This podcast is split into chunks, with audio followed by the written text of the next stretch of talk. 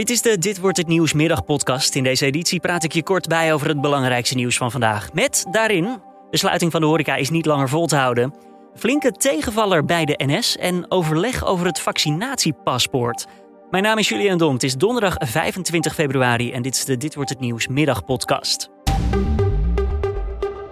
De komende dagen gaat burgemeester van Breda, Paul de Pla, in gesprek met horecazaken in zijn gemeente over wat er mogelijk is. 65 afdelingen van Koninklijke Horeca Nederland willen komende dinsdag de terrassen opengooien omdat ze het gewoon niet meer kunnen volhouden. En dat is natuurlijk tegen de regels. Maar de Bredaanse burgemeester is het wel met ze eens dat er gekeken moet worden naar wat er al wel kan. Meer afhaalpunten voor drankjes en eten bijvoorbeeld. Meer plekjes waar mensen kunnen zitten. Het terrasseizoen gaat namelijk binnen een paar weken van start en dat houden we niet tegen, zegt De Pla.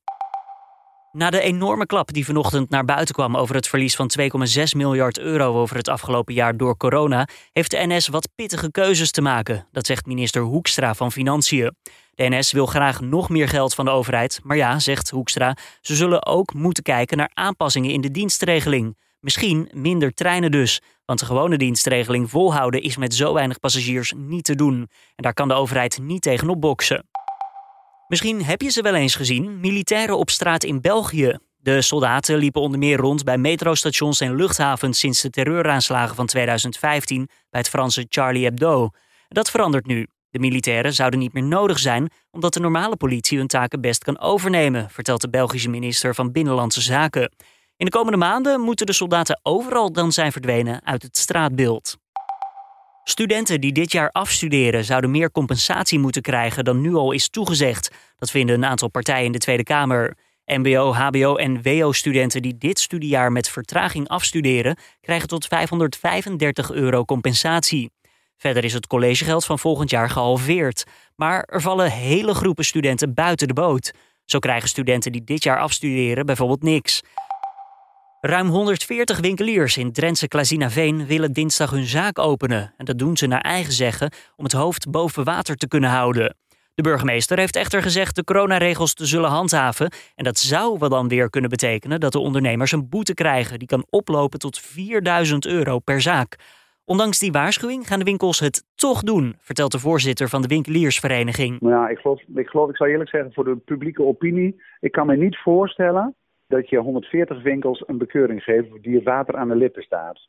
Dat zou qua publieke opinie niet goed vallen, lijkt me. Voor het geval er toch een boete komt, hebben sommige mensen al aangeboden geld in te zamelen om zo ondernemers te helpen. Normaal gesproken zouden een hoop mensen inmiddels bezig zijn met de zomervakantie voorpret. Maar ja, door corona gaat dat eventjes niet. En dat kan de reisbranche ANVR niet nog een zomer aan. Daarom is er vandaag een Europees overleg over een oplossing. En dat is een vaccinatiepaspoort. Alleen dat is niet genoeg, zegt de reisbranche. Je moet ook kunnen reizen met een negatieve coronatest, want anders sluit je een grote groep buiten. Gezinnen met kinderen die zijn nog niet als eerste aan de beurt om gevaccineerd te worden. Dat die dan niet op vakantie zouden kunnen, dat, dat, dat gaat natuurlijk niet. Dat zegt de voorzitter van de ANVR. Verder hopen ze dat er vandaag Europese algemene regels komen. Maar in de praktijk zal het zo zijn dat we vrees ik weer een, uh, dezelfde situatie gaan krijgen als afgelopen zomer. Namelijk een, een lappendeken van allerlei verschillende maatregelen, criteria Uh, en dat dat, dat voor, nou, voor, voor, voor de reiziger, de vakantieganger natuurlijk heel erg lastig is om daarop te ageren. Want dan moet je dus voor elk vakantieland andere dingen doen. En dat is voor de reisbranche ook niet best. Sekswerkers komen volgende week dinsdag in actie in Den Haag. Ze eisen dat ze net als andere contactberoepen weer aan het werk mogen. Dat kan namelijk best, vertelt deze sekswerker. Dus zolang je buiten elkaars ademzone blijft en je klanten van tevoren screent op dat ze geen risico gelopen hebben de afgelopen tijd en dat ze geen uh, coronaverschijnselen hebben, dan denk ik dat wij ons werk net zo veilig zouden kunnen doen als een kapper of een masseur. Afgelopen week bij de persconferentie werd premier Rutte nog eventjes gevraagd om uit te leggen waarom sekswerkers nou niet open mogen en kappers wel. Tot slot nog één vraag: wat is het verschil tussen een sekswerker en een kapper? Bij sekswerkers heb je te maken natuurlijk met het bijzondere karakter van dat beroep. Uh, namelijk dat je heel dicht bij elkaar bent. Met ook alle risico's van overdracht van het virus door het karakter van het werk. Ik vraag het voor een vriend, begrijpt u? Begrijp ik. Dan nog eventjes het weer van Weerplaza. Het wordt steeds wat grijzer en vanavond kan het weer gaan regenen. We hebben dan ook nog eens een weerrecord vandaag behaald. Vandaag werd er 15 graden namelijk gemeten in de beeld. En dat betekent officieel een zachte dag.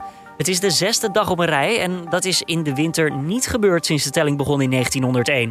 Ik denk wel dat dit echt de laatste was, want morgen zal het met zo'n 10 graden en regen toch echt een stuk minder worden. En om af te sluiten nog eventjes nieuws uit de Utrechtse wijk Zuilen. Daar hebben ze namelijk last van wat luide buurtbewoners.